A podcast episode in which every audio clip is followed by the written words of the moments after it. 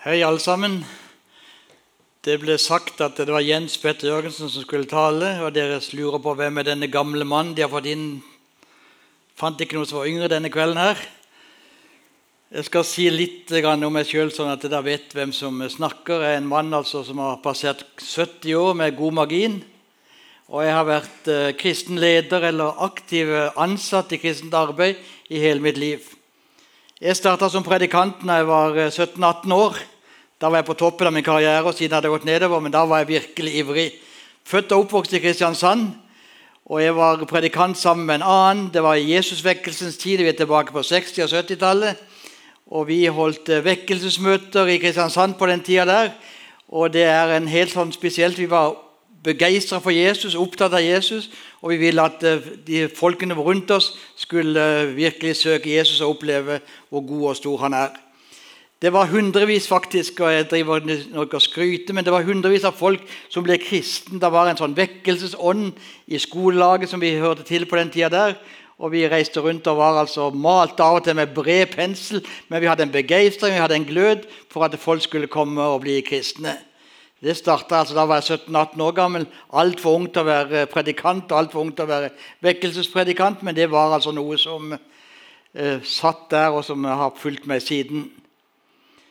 Så har jeg vært, eh, har jeg vært skolags, eh, skolelagsprest og skolelagssekretær etter ferdig med utdannelsen min. Det som jeg sikkert vil være mest kjent for, og Da kan jeg bare spørre deres foreldre og besteforeldre hvis de har vært med i kristent arbeid, så vil de kjenne mye mer til det enn å snakke om enn dere som er helt unge. Jeg var med og starta det som heter oasebevegelsen. Jeg har hørt kanskje om oasestevner og oase i Fredrikstad hadde vært de siste åra. Men det starta vi altså på slutten av 70-tallet.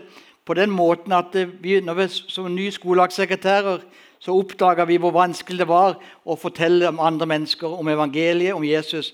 Sånn som sikkert dere opplever det nå også. Og I den tida der så hadde vi, hadde, vi var ferdig utdanna fra Menighetsfakultetet, vi hadde god teologi, vi hadde mange ting som vi var opptatt av, og vi var flinke med strategi og møteopplegg, men vi så at det var vanskelig for folk til å virkelig bli, møte Jesus og bli forvandla av Jesus.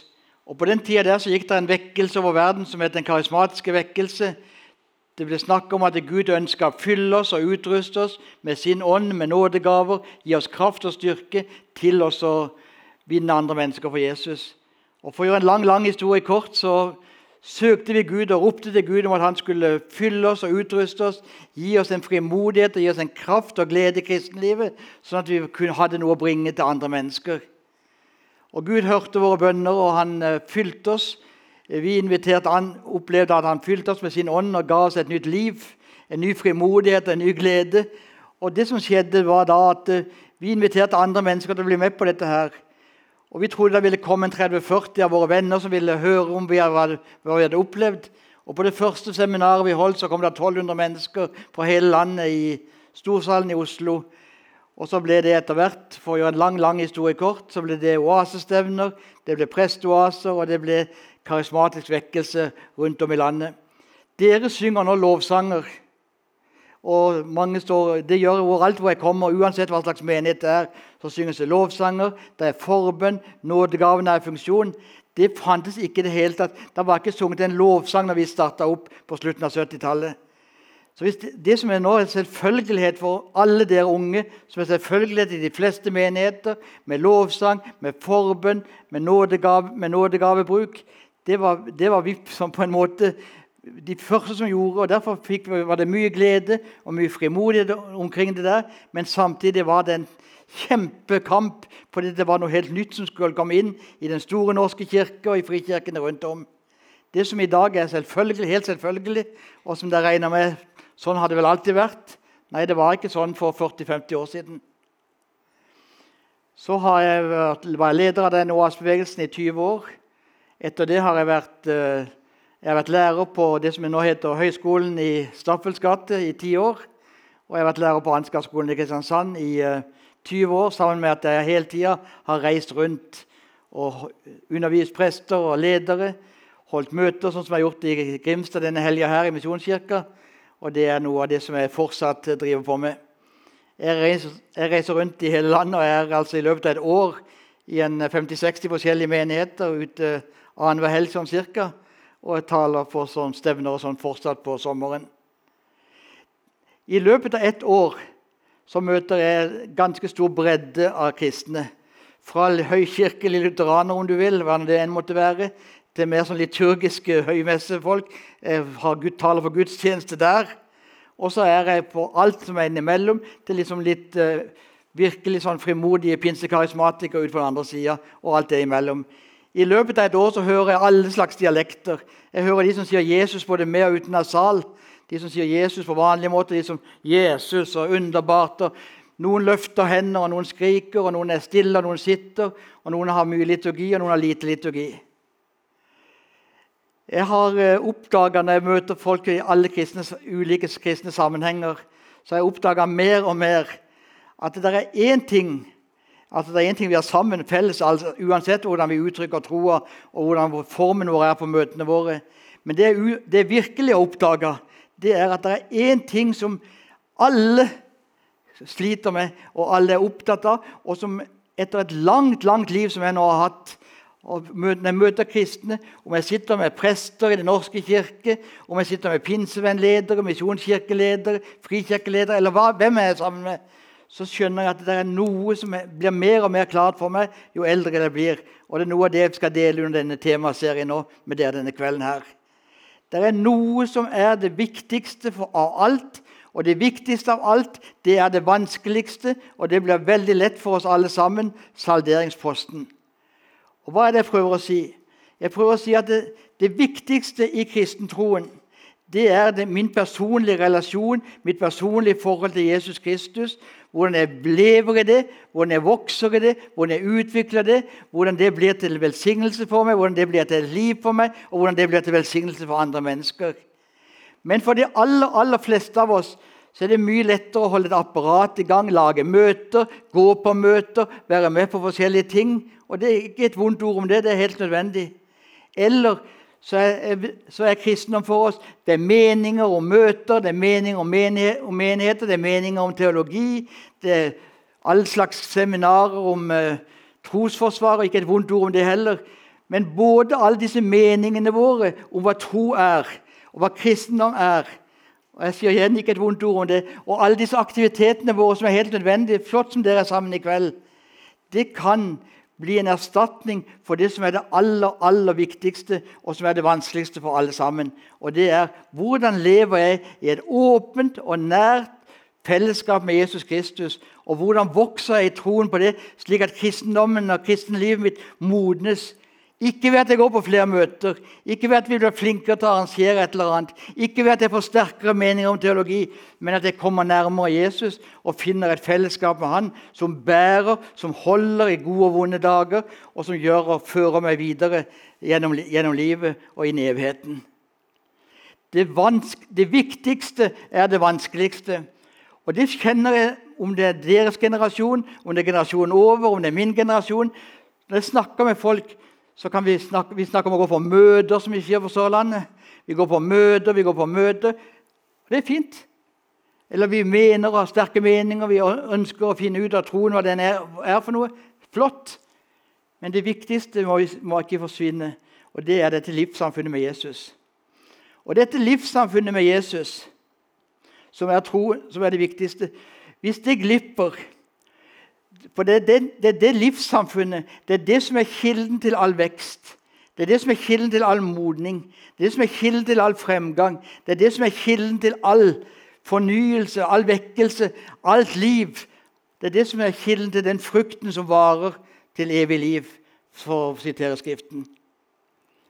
Og Derfor er det så kjempeviktig at vi konsentrerer oss og sier at ja, vi vil lage de beste møtene vi kan finne, finne ut av. Vi vil ha de beste lovsangene, vi vil ha gode taler, vi vil ha god undervisning. Og vi vil virkelig grunnfeste oss i troen på hodet vårt, hva den betyr. Men det som vi aldri må glemme, det er at det, ikke, det må aldri erstatte det som er det viktigste, mitt og ditt personlige forhold til Jesus. Og Da skal jeg lese en tekst, eh, da skal vi lese en tekst som er den teksten i Det nye testamentet som for meg klarest forklarer hva kristendom og kristenliv egentlig er for noe. Den teksten finner vi i Johannes kapittel 15. Og Hvis dere skal snakke om dette i Connect-gruppen, så har jeg gitt dere disse tekstene, så da kan dere jobbe videre med det. Men det er altså for meg den viktigste teksten i hele Det nye testamentet som forteller hva kristendom og kristenliv egentlig er. Jeg er det sanne vintre, og min far er vinbonden. Hver grein på meg som ikke bærer frukt, tar han bort, og hver grein som bærer frukt, renser han så den skal bære mer. Dere er alt grener på grunn av det ordet jeg har talt til dere. Bli i meg, så blir jeg i dere. Slik som greinen ikke kan bære frukt av seg selv, men bare hvis den blir på vintreet. Slik kan heller ikke dere bære frukt hvis dere ikke blir i meg. Jeg er vintreet, dere er greinene. Den som blir i meg og jeg i ham, bærer mye frukt. For uten meg kan dere ingenting gjøre. Hva er kristendom, hvis du skal koke det ned til ett eneste ord? Ut fra den teksten vi nå leste. Hva er det å være kristen? Hva er kristendom egentlig med ett eneste ord? Hvis det skal kokes ned til noe. Ut fra den teksten her og ut fra hele nytestamentlige materialet så er kristendom det er livssamfunn. Et, jeg vet ikke noe bedre måte å beskrive hva er kristendom og hva er, hva er tro for noe. Kristendom er livssamfunn. Livssamfunn, samfunn, fellesskap med en levende person, Jesus Kristus. Legg merke til de sterke uttrykkene som bruktes i den teksten som jeg nå leste. Vintre og grenene. Eller det Paulus snakker om i 1. Korinterbrev 12, der han snakker om eh, kroppen og lemmene. Uttrykk for akkurat det samme. Dette intime, dette nære, dette levende, dette organiske. Det er det som er kristendom, og det er det som er, det er, det som er kristen tro. Jeg pleier å si det litt sånn eh, Jeg vet at ikke det holder grammatikalsk, men jeg pleier å si eh, på min måte at tro, folkens, tro staves relasjon. Jeg vet at det ikke holder grammatikalsk, men det, hvis jeg tar det med som et nøkkelord eh, Kristendom er to ting. Tro er to ting. Det er livssamfunn, og det er relasjon. Og det, det livssamfunnet, den relasjonen, det kan ikke erstattes av noe annet. Og Spørsmålet mitt blir egentlig ikke hva jeg mener om kristen tro og tro, eller om, hva, om hvor aktiv jeg er, men det som det spørres om, det er om dette hvordan dette livssamfunnet er, og hvordan den relasjonen er. Jeg sa til dere at eh, jeg var på toppen av min predikantkarriere da jeg var 17-18 eh, år. Og her er jeg i Kristiansand og holdt vekkelsesmøter. Og det er klart at Når en skal være så ivrig og holde på med vekkelsesmøter, og drive på som jeg gjorde, så ble jeg skolelagssekretær, bare 3-24 år gammel. og skulle, Først skulle jeg frelse Kristiansand, og så skulle jeg frelse hele Norge omtrent etterpå som skolelagssekretær ved å reise rundt i landet. Da skjer bare det som måtte skje. Da møtte jeg veggen. En skikkelig vegg. Jeg ble utbrent, jeg ble sykemeldt. Og da var det ikke mye futt i meg. Og når jeg, liker, når jeg der holder på og var sykemeldt og alt var, alt var kjipt, så ringer det en prest Det er omtrent som dere i forhold til meg nå, da, men da ringte der en prest i 60-åra. Jeg var 3-24.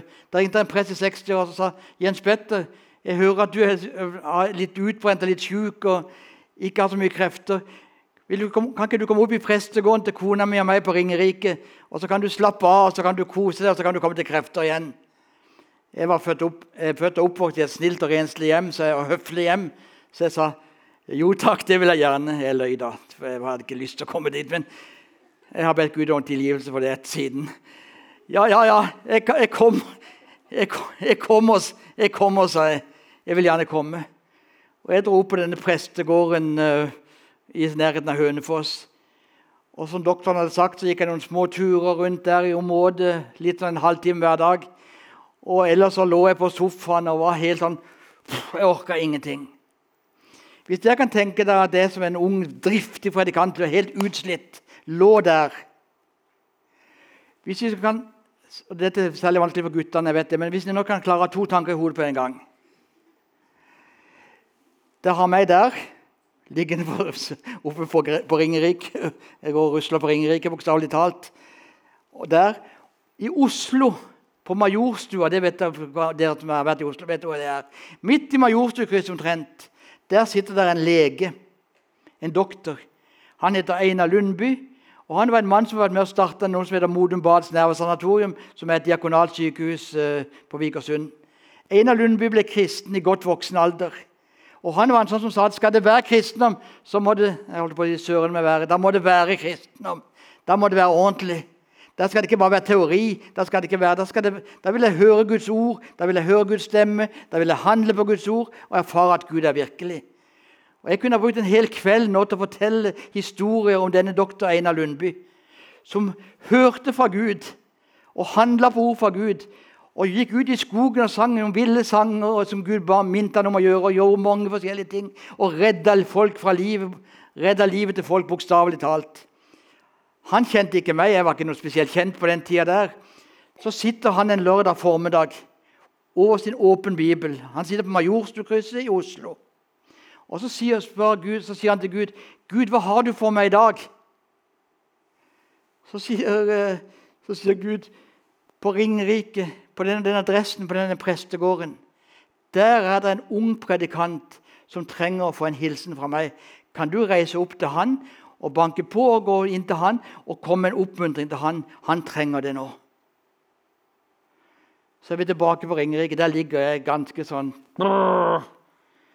Og så hører jeg plutselig at det banker på døra. Og jeg hører meg si 50 år etter 'Kom inn!' Det var liksom det moodet jeg var i. 'Kom inn!' Og den som kom inn, det var jo vår tids kristen kjendis nummer én. Det var han vi ønska å følge, det var han vi ønska å følge etter og leve sånn som han levde. Plutselig så står han midt i, midt i, rommet mitt og så sier han, 'God dag, gutten min.' Jeg så sikkert sånn ut.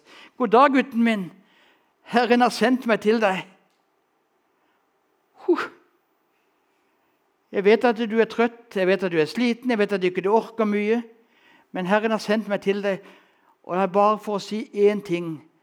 Samme hva du skal gjøre, gutten min, samme hvor du kommer i livet, samme hva du skal drive på videre, så må du aldri glemme at det viktigste i livet og det viktigste som kristen, det er å leve tett på Jesus. I et åpent og fortrolig, ærlig fellesskap med han.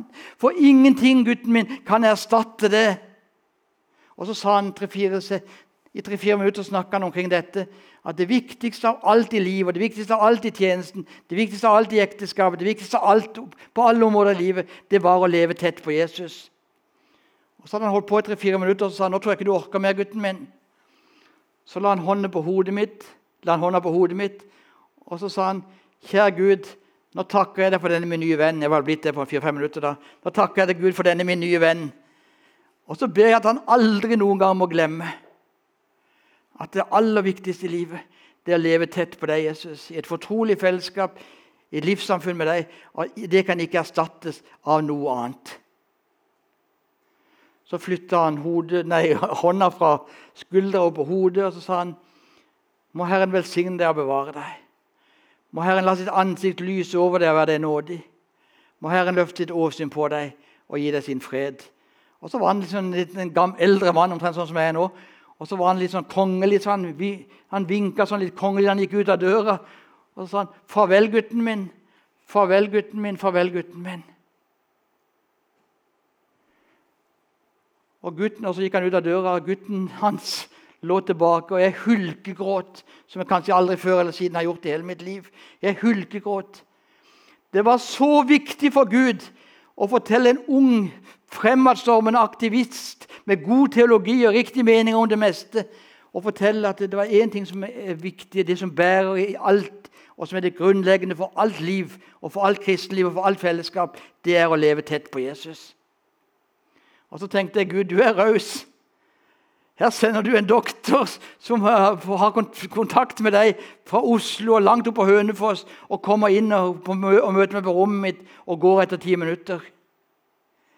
Men så har jeg tenkt, når jeg har reist rundt nå, og det har gått 50 år siden den gangen, der, så har jeg tenkt Gud, det var godt at du gjorde dette for meg, for jeg har aldri glemt det. Jeg har skjønt det, det, viktigste i livet og det viktigste som kristen det er å leve tett på Jesus. Men så har jeg skjønt at det er jo det alle sliter med overalt. Det er det som er vanskelig og utfordringen for oss alle sammen. Å leve tett og åpent og nært og i fortrolig fellesskap med Jesus, der vi kommer vårt og vi får tilbake alt hans. Kristendom. Kristen tro i en sum er, er relasjon, det er livssamfunn, det er dette tette fellesskapet, dette nære fellesskapet, dette åpne, fortrolige, ærlige fellesskapet med Jesus. Og hvis det er sant, det jeg har sagt, og det er det overbevist om at det er Hvis det er sant ut fra Guds ord at kristendom i sin hoved, i sin sum er fellesskap og relasjon, så er det med denne relasjonen og med dette livet som med alt annet liv at det må vokse og utvikle seg om det ikke skal stagnere og dø. Det vil si, folkens, at det, det som det Gud ønsker, og det Gud lengter etter, og det Gud ønsker for hver eneste en av, deres, av oss, det er at vi vokser og modnes og utvikler oss og kommer videre i troen vår. Og hva er det for noe? Hvordan, hvordan skjer det? Det handler ikke om at nå får jeg bedre og bedre tak på det. Nå syns jeg virkelig er god som kristen. nå synes jeg får tak på det. Om dere ikke husker så mye annet av det jeg sier i kveld, så hør det jeg sier nå. Og, og grunn på det om, om jeg har rett. Hva er det å vokse som kristen? Å vokse som kristen, å vokse og modne som kristen, å komme videre som kristen, det handler om å bli mer og mer avhengig av Jesus på flere og flere områder i livet. Kristen vekst og kristen modning kan sies med et eneste bibelord. Johannes 3,30. Han skal vokse, jeg skal avta. Jesus skal vokse, jeg skal avta. Kristen vekst og kristen modning handler om å bli mer avhengig av Hans nåde enn jeg var tidligere. Mer avhengig av Hans tilgivelse enn jeg var tidligere. Mer avhengig av Hans ubetingede kjærlighet enn jeg var tidligere. Mer avhengig, mer avhengig av, uh, av Hans kraft enn jeg var tidligere. Mer avhengig av Han selv, mer avhengig av Hans nærvær. Og Da skjer dette paradoksale som kristentroen er full av. Da skjer dette paradoksale igjen. At når vi vokser som kristne, så vil jeg kjenne det som hjelpeløshet og avhengighet av Jesus. Men folket rundt meg de vil oppleve mer og mer av Jesus ut fra mitt liv. Mer, mer av hans karakter, mer av hans egenskaper. Det er det som er hele, hele paradokset. Det som er nøden, og det som, er, som djevelen får oss til å lure oss til, tror jeg stadig vekk, det er dette her At vi har bare to parametere for vekst i kristen Norge. To parametere for vekst. Hvordan kan du måle om, det, om touchpoint i Grimstad vokser? Jo, det er om det er penger, og det er folk. Kommer det mer folk? Ikke et vondt ord om det. Det er flott at det kommer mer folk. Det er flott at vi får de pengene vi trenger. Men det går an å ha mye folk, og det går an å ha penger, nok penger, og allikevel at folk ikke vokser som kristne. Vokser du som kristen? Ja, hva, hva er kjennetegnet på det? Det kjennetegnet på det for mitt liv og for alles liv og for menighetens liv. Det er ikke om vi har bedre program, om vi har mer folk. Det er, det er flott. Det er en sekundærgevinst. Men hovedgreia i hele saken det er dette blir vi mer og mer avhengig av Jesus på flere og flere områder i livet vårt. Er folk som kommer til menigheten, mer sultne på å få tak i Guds tilgivelse, på å få tak i Guds ubetingede kjærlighet, hans kraft, hans nærvær? Er vi mer avhengig av Jesus? Det er det det hele vekstproblematikken handler om. Nærmere er temaet som dere har nå. Nærmere. Ja, kommer, Men hva er det for noe? Det handler om å komme nærmere Jesus, og hvordan virker det? Hvis jeg kommer nærmere Jesus, så blir jeg mer og mer avhengig av han på flere og flere områder i livet mitt.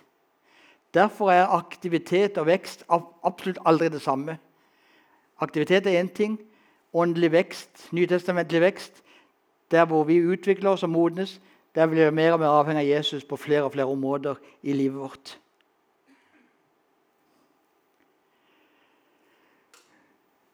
Når jeg sier det så sterkt som jeg gjør nå, at jeg sier at denne veksten det som, som, Gud lengter etter, og som eh, er hele kristenlivets dynamikk, om du vil. Denne veksten. Men jeg sier det så sterkt at Gud ønsker å se vekst i ditt og mitt liv, at vi skal komme videre, bli mer avhengig av Jesus, hvordan, hvordan skjer det? Det skjer som et frukt av at det, skal jeg si det, det, det skjer som en frukt av at, får, at, vi får se hvem han er, hva han har gjort, og hva han stadig gjør for oss. Vår frukt og vår vekst og vår modenhet det er et gjensvar på det Jesus har gjort, og det Jesus stadig vekk gjør for oss.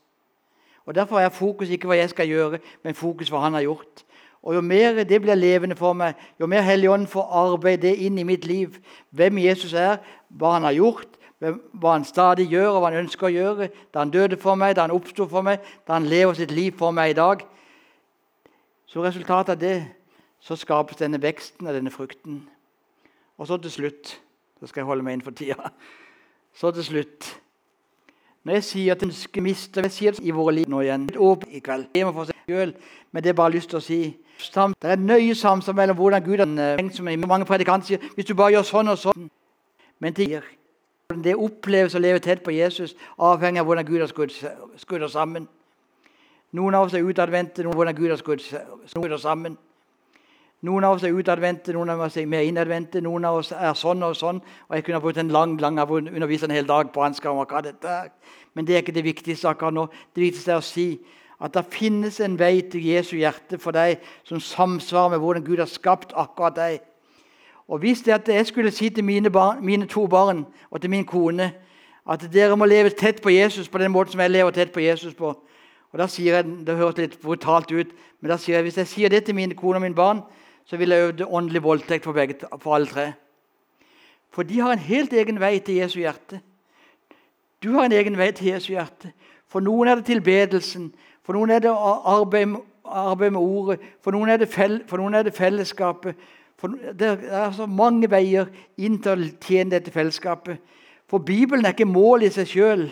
Eh, aktiviteten, altså de åndelige disiplinene, er ikke mål i seg sjøl. Målet er jo rett og slett alt dette hjelper meg til en eneste ting, og det er å leve tett på Jesus, sånn at jeg kan bære frukt, frukt som varer til evig liv. La oss be sammen.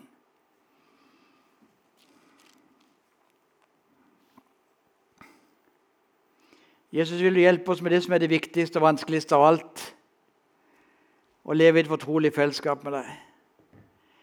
Vil du hjelpe oss til å vokse Herre, på den måten at vi får se hvem du er? At Helligånd gjør det levende for oss, hva du har gjort for oss, hva du stadig gjør for oss. Sånn at våre liv og vår frukt og vår modning blir et gjensvar på din kjærlighet. Hjelp oss, Herre, til å finne vår vei til ditt hjerte, Jesus. Og ikke gå de andres veier og følge de andres oppskrift. Men sånn som du har skapt akkurat oss, Jesus, så finnes det en vei til fortrolighet, til nærhet, til åpenhet. Hjelp oss å gå i den, og hjelp oss å leve i den. Amen.